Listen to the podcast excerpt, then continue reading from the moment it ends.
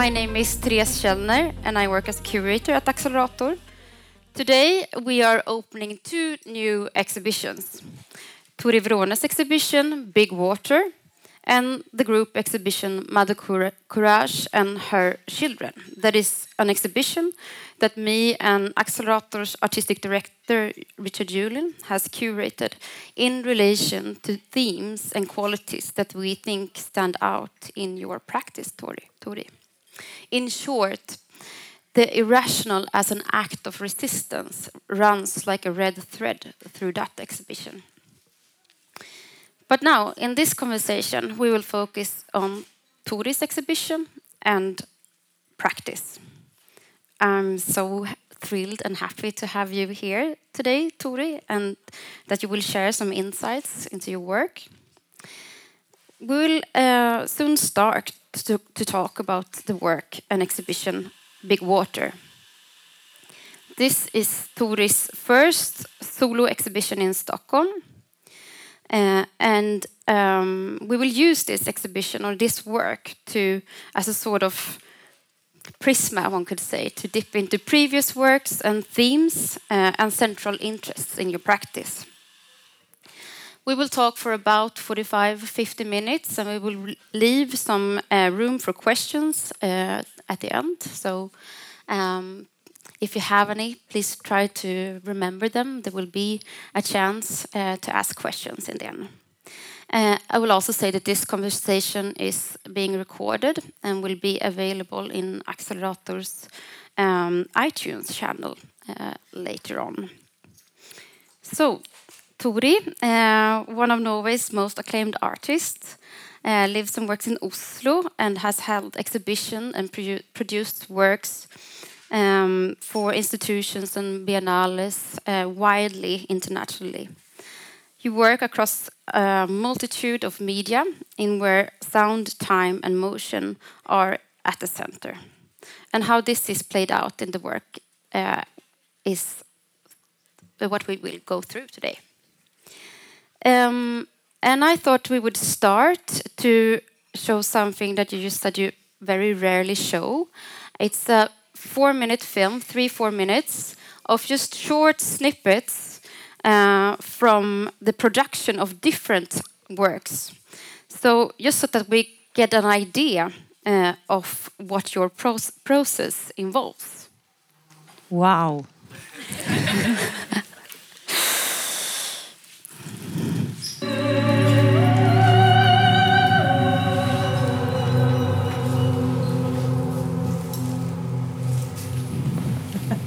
Må bare huske å ikke få latterkrampe under vannet.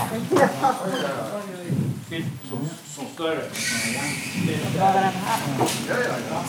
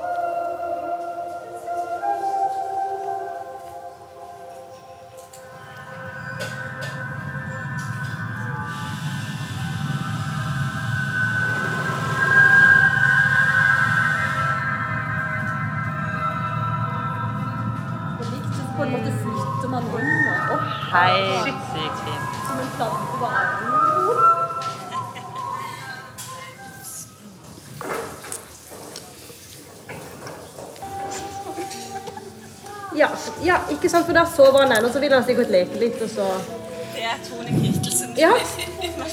Så tusen takk, det var veldig bra.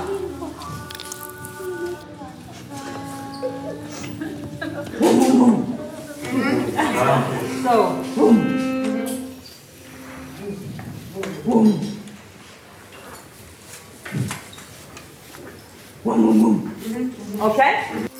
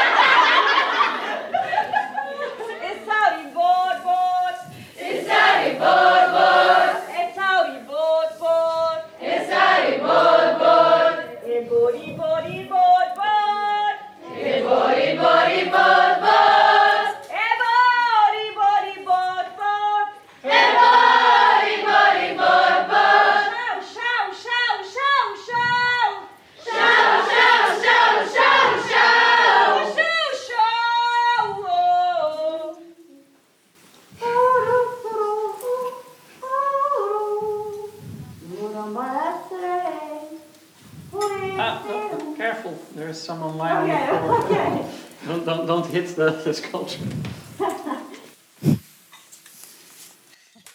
All right. Yeah. um,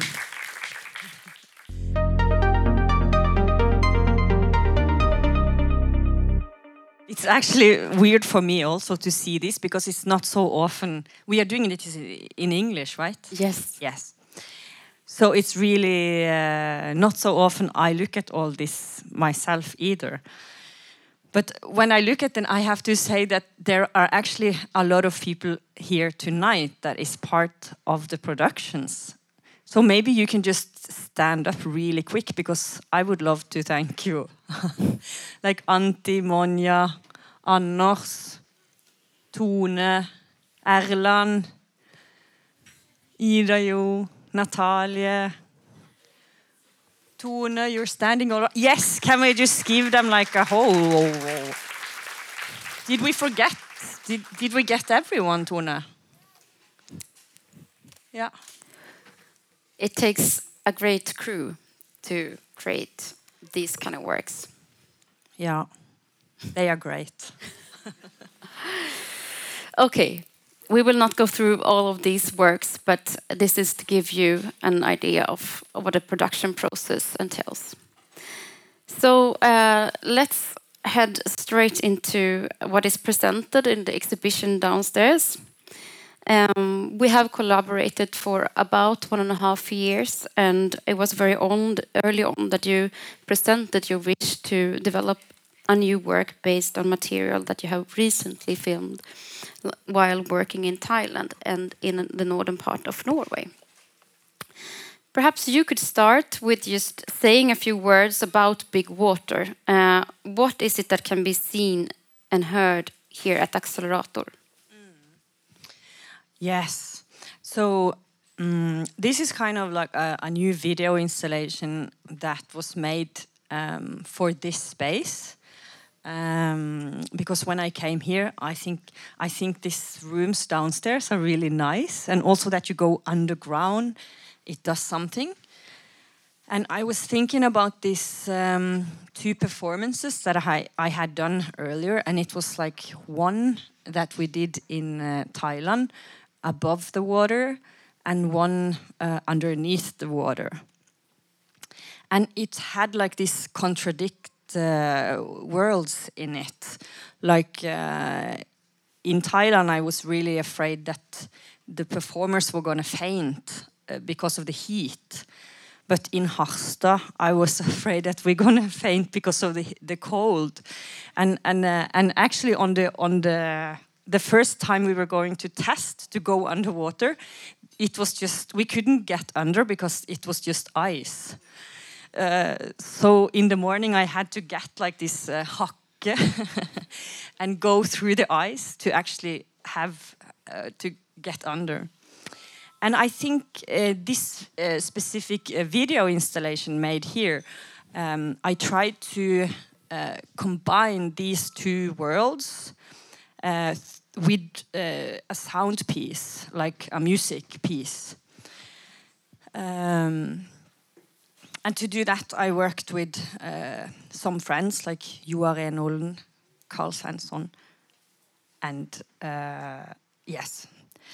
So um, I guess sound somehow uh, interlace the two worlds, or yeah, I I believe like that you can.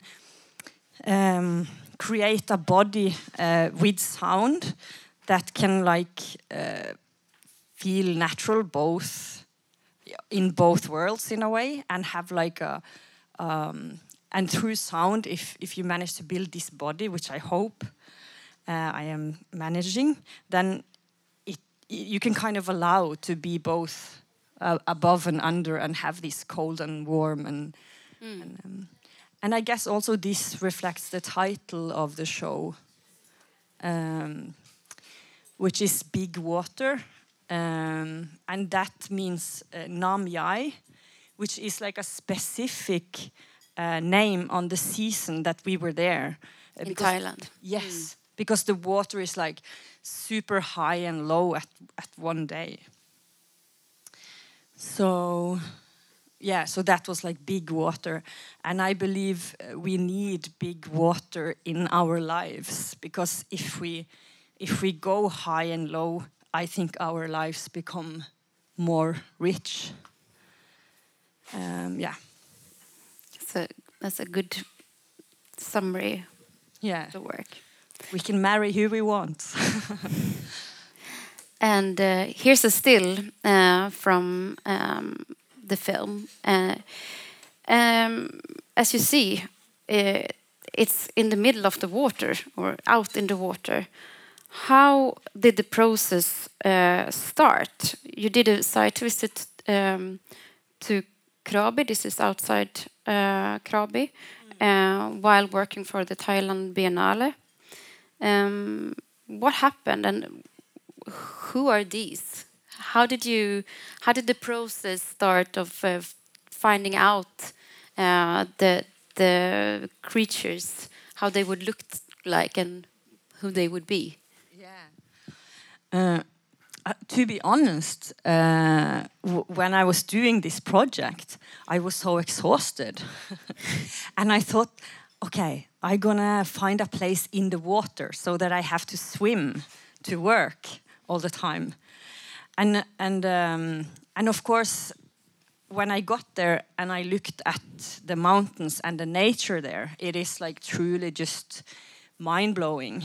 And, and in a way, I think nature in itself is so amazing, and you actually don't have to do anything because it's already there. But I was trying to find a, way how I can like play with that and kind of make a, an adventure uh, together with nature somehow. And so the idea uh, was that these creatures was born out of the mountain uh, crying. So the cre- creatures was like born out of the dripping tears from the mountain. And then uh, I guess the question is why is the mountain crying? And that, I guess, is for all of us to think about. um, yeah. And and this picture, um, it was really because of this tide water. It was it it gave us a lot of improvisation as well because sometimes when we arrived, there were no island because the water was above it. So then we had to just uh, swim around. yeah. Here's one. And here's a video um, of more behind the scenes of uh, um, making the work or and filming in Thailand and in uh, in Harstad.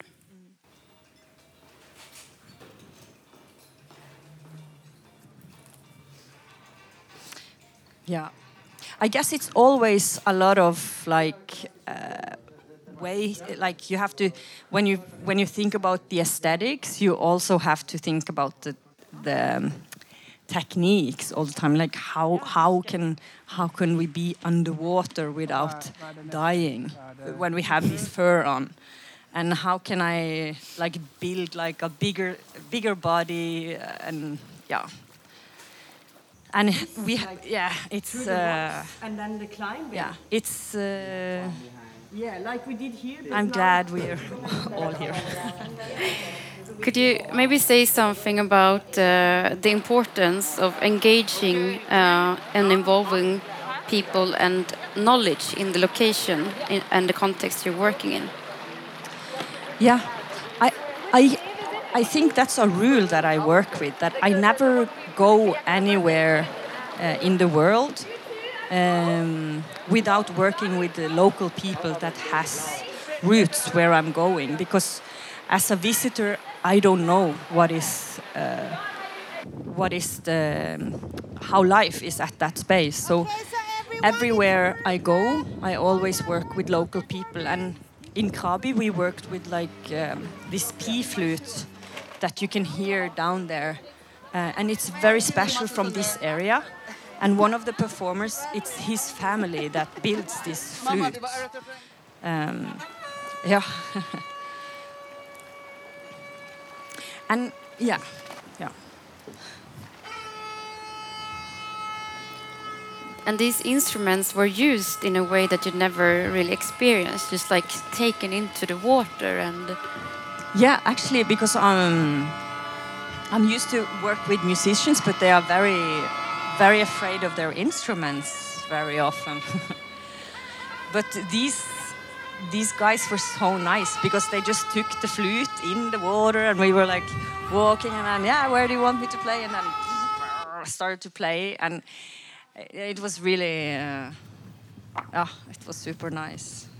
And then, of course, we have to borrow a ladder from the guy at the harbor fishing this morning.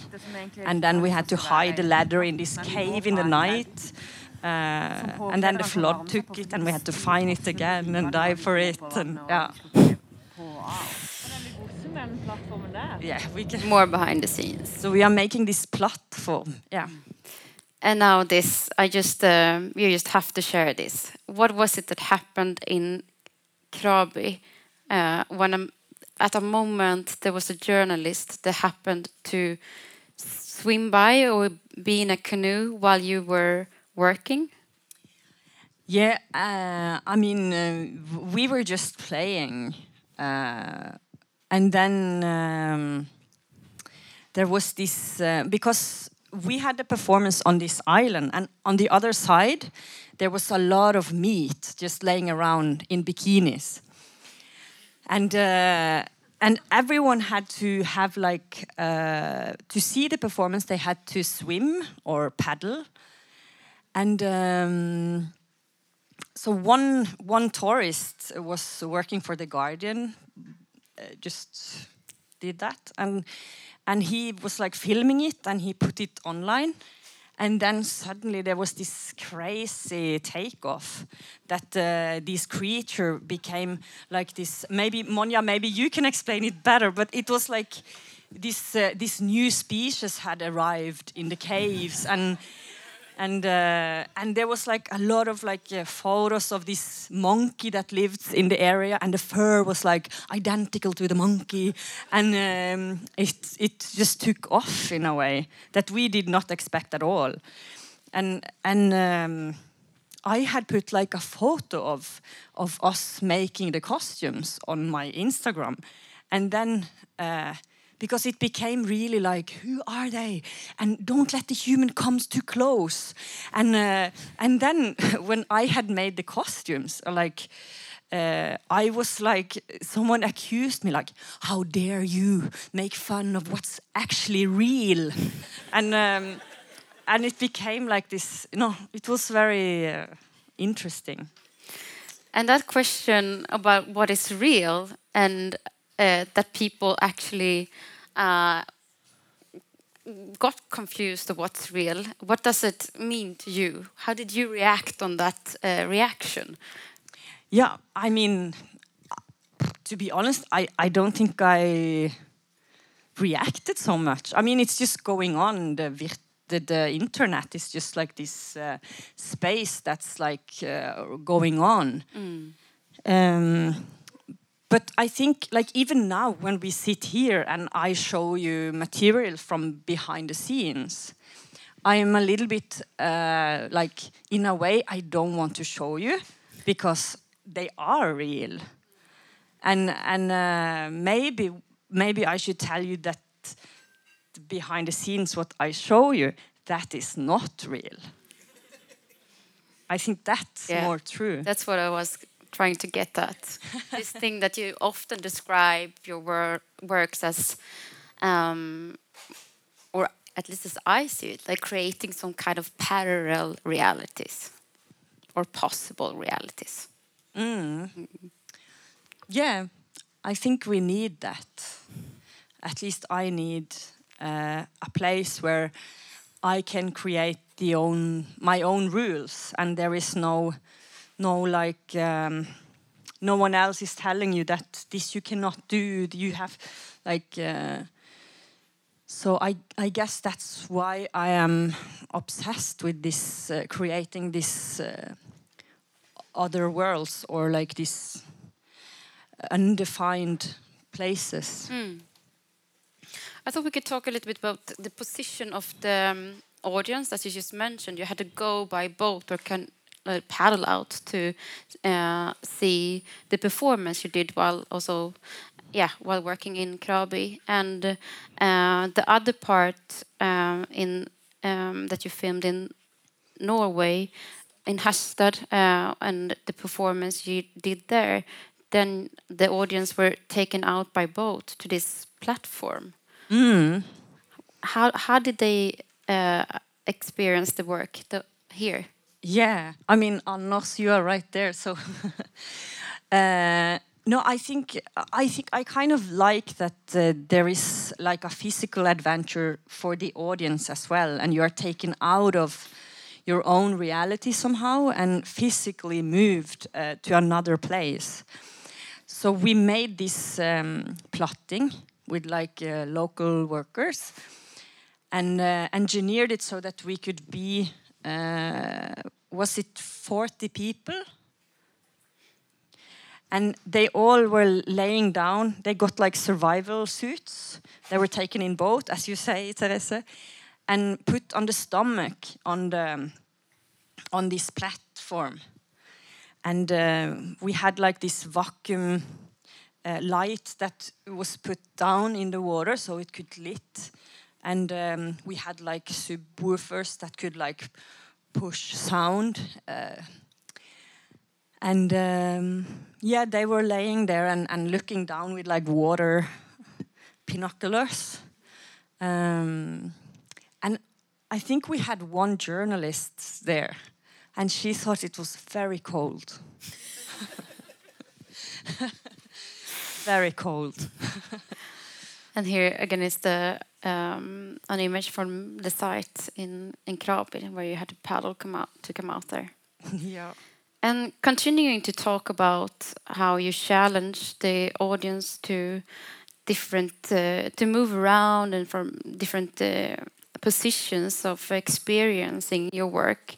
Uh, I thought we could go into this work that you um, did earlier this year at the Lilith Performance Studio in Malmö, Garden of Left Hand. Um, how did that come about? What is what is it that we're looking at here? It's an image with a balloon and this uh, construction around it. Yeah. It's like when people ask me that, I'm like, uh, "What do you think?" Ah. Sometimes when you, when at least when I create stuff, I'm like, uh, when I'm doing it, I'm not sure exactly what it is. But uh, then people ask me to explain it, and then I have to find words. Um, and I think sometimes the words are true, uh, like true, but sometimes the words also is just needed for someone to uh, to feel more safe about the work somehow. Um, but I I think it's true that this work is like inside uh, a big belly. Um, like it's like this society that we all have inside us. So it could be like your stomach or your stomach or yours or yours or yours. but it can kind of also be the stomach of Accelerator or the stomach of Europe. Um, so it's kind of this society, and for me, when I developed it, it was a way to kind of um, uh, just create, uh, like again, like a world that uh, is just uh, operating in another way, and and and the audience were like outside looking in, and they became like this um, uh, vorter. What do you call that? Oh, what's the word? Yeah, Warts. yeah. they actually beco- like become a part of that body, that organ in itself, Yeah. like peeking in uh, into the center of the organ, and um, yeah, as the um, pattern of that uh, kind of fleshy organ was uh, um, ever changing. It, it, they were also sort of blended in and became part of the body of the work. Yeah. Because I, I often, when I create these worlds, I think it's uh, difficult where I sh where should I place the audience because all our clothes and everything reminds us so much about who we are in daily life. Um, but in this way, I could kind of just get the faces, and it became like this pimple or yeah.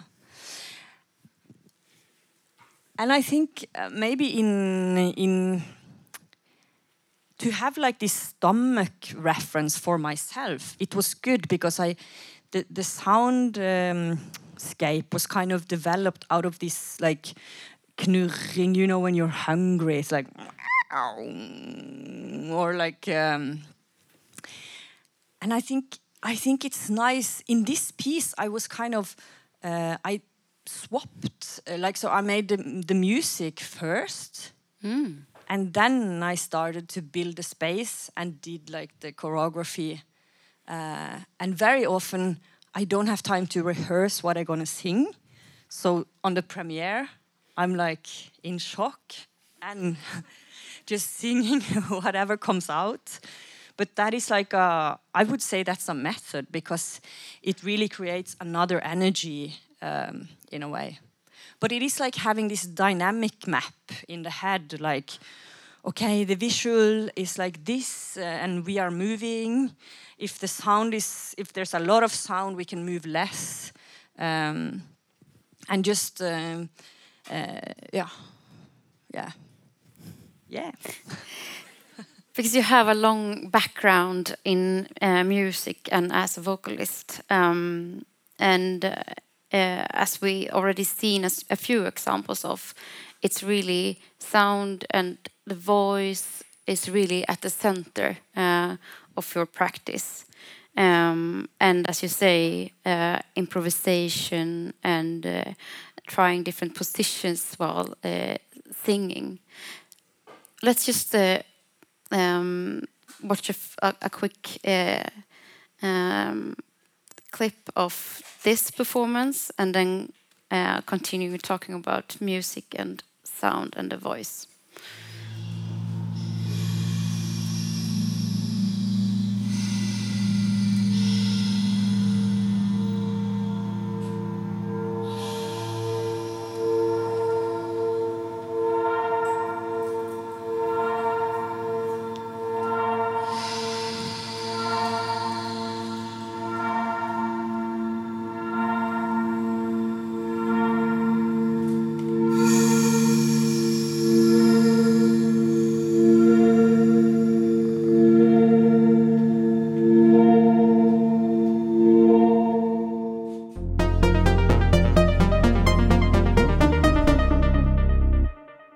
I just want to say because I think uh, it's impossible to uh, because the the, sound is uh, in the performance is like three dimensional.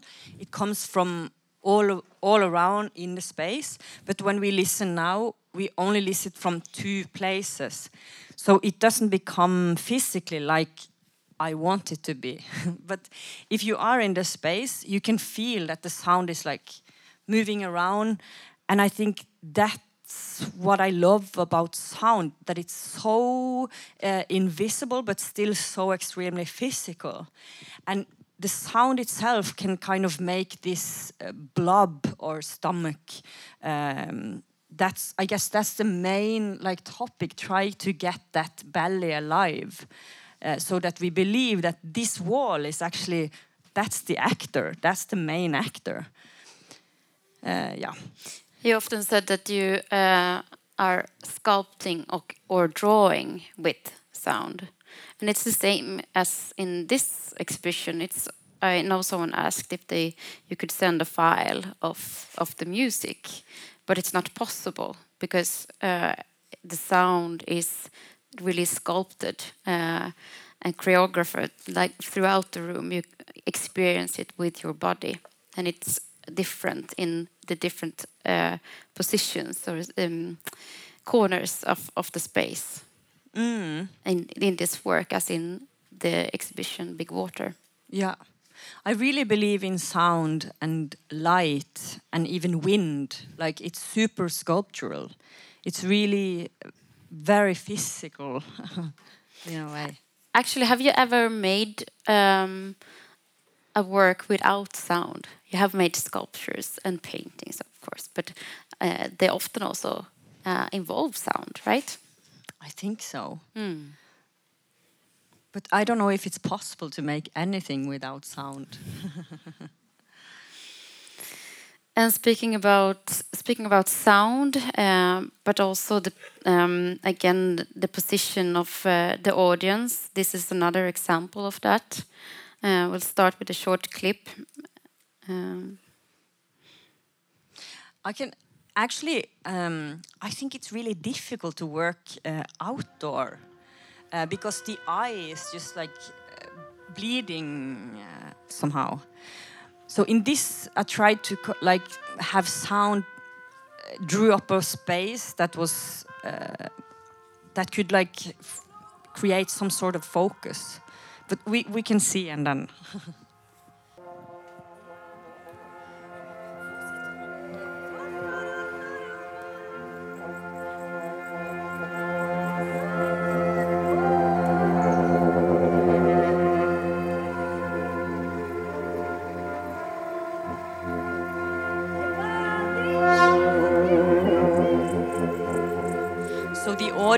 and the performers were like placed in the ski lift, and then there was like, uh, like I was hanging in the tree there, and there was like um, a choir that went under, and they went close to the to the track and far away. And this is in the Alps in Italy, and they have like these horns. We we even tried to get them in the lift, but it was not so easy. and I love when there is like I don't know if we come to the cows, but I love when there is like these unexpected uh, things already there. So there they had like cows under the um, track. So we ordered like these 12 tone tuned bells.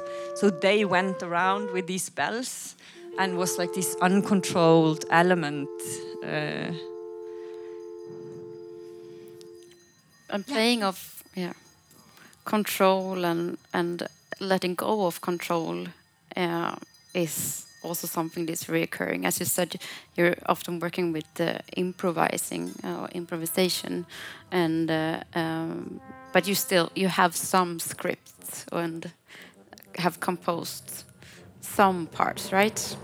But to what extent, in general? yeah, I think um, I think I'm almost never in control, but that is a. I feel that that is like a good thing, um, and I think it's impossible to have too many plans because it never turn out to work. Uh, like um, in this project, for instance, it was so difficult to hear each other from where the musicians were sitting. So then I had to change the composition to be more like um, room for more improvisation. Um, yeah. And, uh, and you discover things along the road as well that is important to jump on. Uh, so if it's too well planned, I think it's a danger to lose some new sparkling stuff that you can.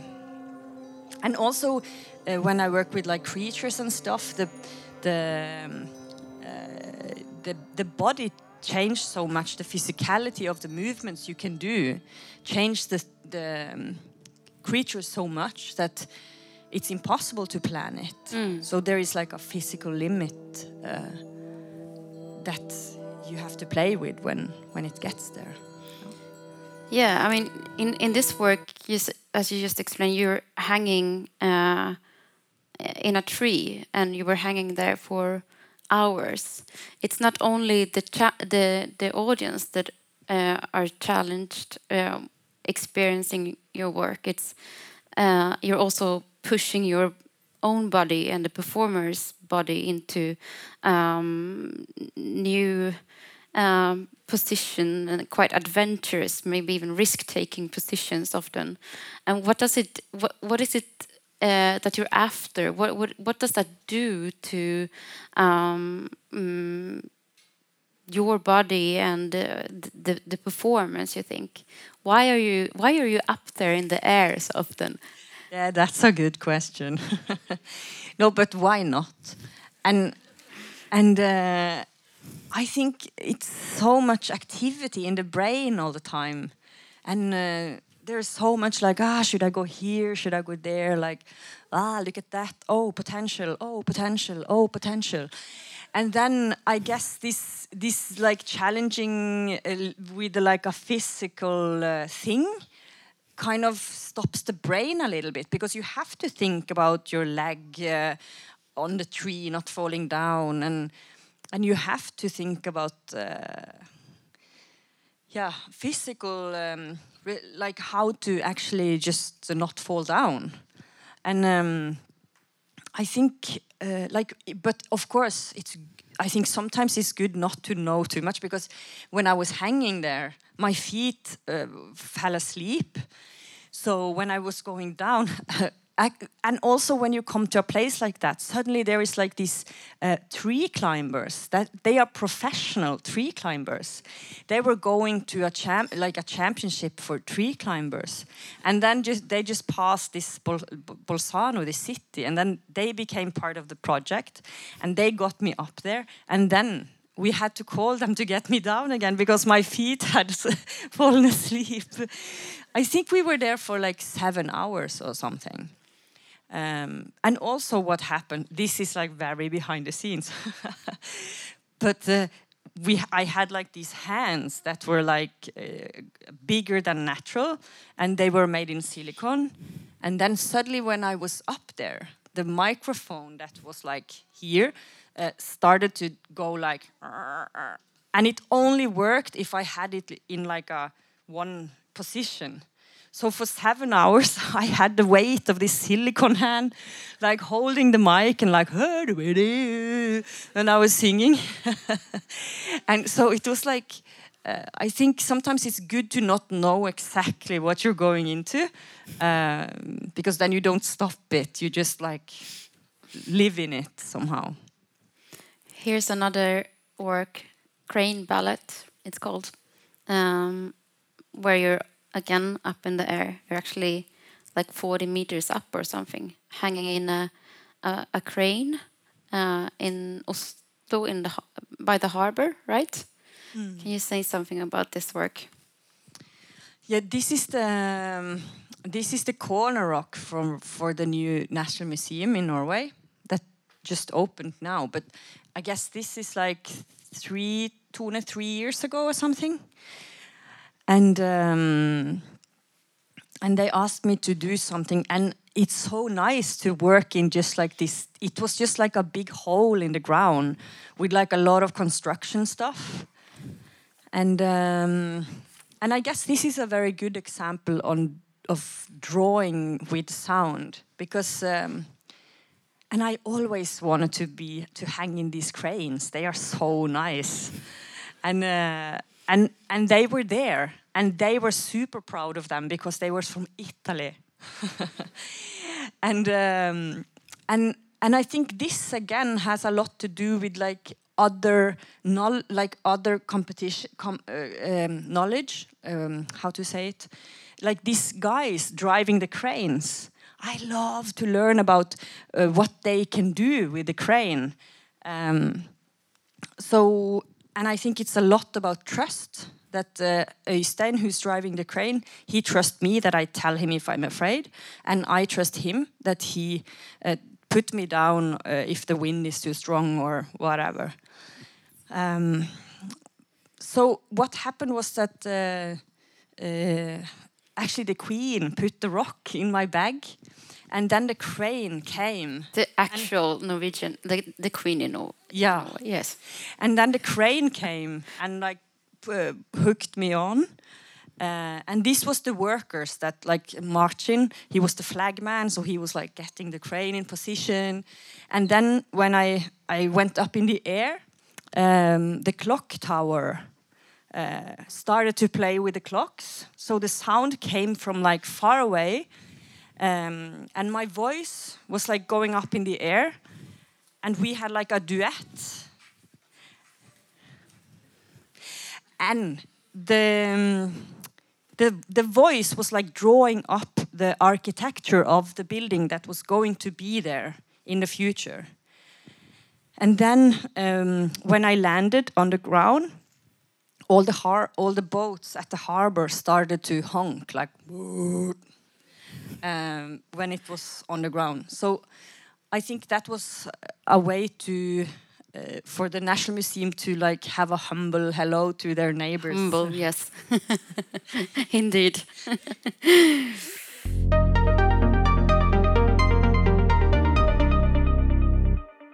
okay, we're talking about, we've been going through how you challenged audience and yourself, and um, what keeps reoccurring is very much um, how to relate to the human body, to your own body, and to others. And um, in both performances, sculptures, film works, you are creating these different types of body that you often uh, put on and experience the world in. And I'm just curious to know um, what what is it about that sort of hybrid body that you keep coming back to, and how has that come about from the beginning to center so much around the body? Hmm. Do you know? Um, maybe maybe it's difficult to be comfortable in your own body somehow, and then you want to create or like manipulate it maybe to be more comfortable or like to to have like to build something where you don't need all the all these uh, definitions all the time or like and if you if you if you have like three arms or two heads or suddenly other rules exist or does not exist so then it doesn't matter. Then then you have full freedom. Maybe. And freedom is a word that keeps on reoccurring. When speaking about this work that you were developing, Big Water, when we spoke about it, you of you have several times referenced the ocean or talking about the ocean and the sea as a sort of free space that the, where the body can be free and um, free from your inhabited the regular motions, I guess, but also from beauty standards, from um, different kind of um, body ideals and ideas about the body, right? Yeah, like I don't think they have like, for instance, a specific gender. Uh, these creatures, so they're kind of free free from that. Um, but also just like physically to go underwater uh, is just uh, mentally and physically really nice to just uh, go into another world and just uh, everything changed like the sound changed uh, uh, it's just you lose track of reality somehow and you just exist You know what? I think we need to round up. It's already uh, Yeah. 45 minutes has passed, uh, and um, I would like to open up uh, to the audience if you have any um, questions for Tori. Thanks so much, Tori. Um, for this uh, really illuminating talk and the wonderful installation downstairs. Um, my question is, uh, or a, a, prompt, if you want to uh, talk a bit more about this, the hybrid body in relation to resistance and resistance and freedom, because we started off the, the, talk with the topic of resistance and the irrational as resistance.